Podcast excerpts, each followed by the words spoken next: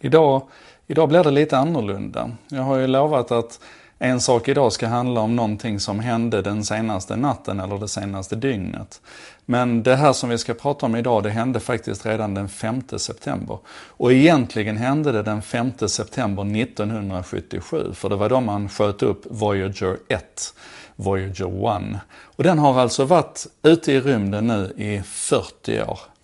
2012 så lämnade den vårt solsystem och gav sig ut i den yttre rymden, ut i Vintergatan. Och det är det första manbyggda objektet, som, människobyggda objektet som har gjort det. Den är just nu 139 astronomiska enheter bort och det gör att det tar nästan 20 timmar för radiosignalen att komma från jorden till Voyager 1 och tillbaka igen. För den här rackaren är alltså fortfarande operativ.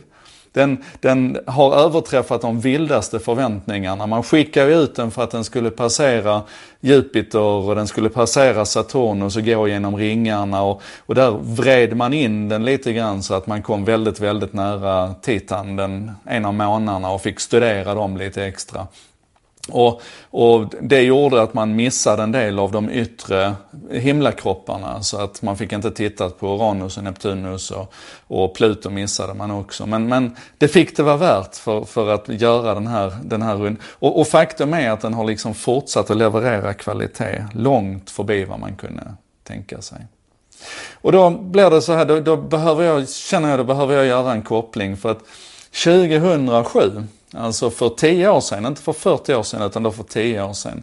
Så satt Kevin Kelly i en stol på TED, på den här konferensen och pratade om webbens första 5000 dagar. The first 5000 days of, of the web.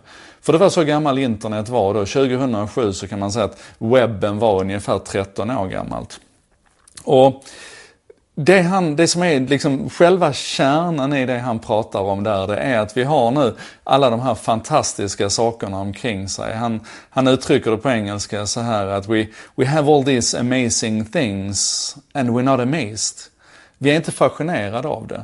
Och då tänkte jag så här, 40 års perspektiv, att vi ska, vi ska ta en sån här nästan andäktig stund och vara lite fascinerad över att man 1977 med den tidens teknik byggde en, en, en satellit och skickade iväg den ut i rymden och att den 40 år och två dagar senare fortfarande arbetar för oss och levererar data tillbaka. Det tycker jag är en sak som vi kan vara amazed över.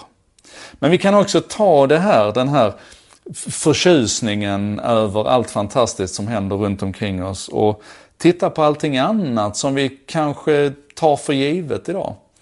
Um, jag såg Game of Thrones, eh, vi har sett ikapp den nu och i, jag tror det var första avsnittet av säsong 7 så kommer Sam för första gången in i, i biblioteket.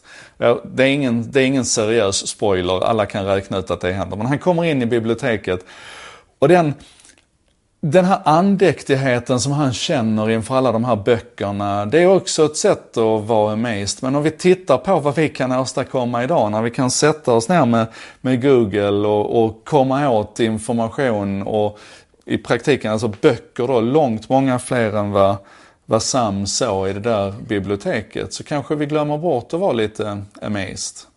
Eller varje gång vi använder Wikipedia för att kika på kunskap och, och information och den här samlade klokskapen som finns där så kanske vi glömmer bort att vara lite amazed. Vi kanske glömmer bort kraften i deras vision. Eh, den här Imagine a world in which every single human being can freely share in the sum of all knowledge. That's our commitment. Vi kanske glömmer bort att vara fascinerad över hur en sån vision och en teknisk plattform och, och människors kollaboration och samarbete kunde skapa Wikipedia.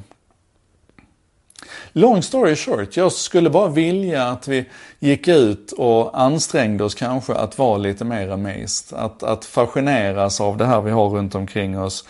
Och utifrån den idén våga spänna tanken ännu längre. Men det tar vi sen. Nu lägger vi den här dagen på att bli amazed, helt enkelt. Och tack Voyager 1.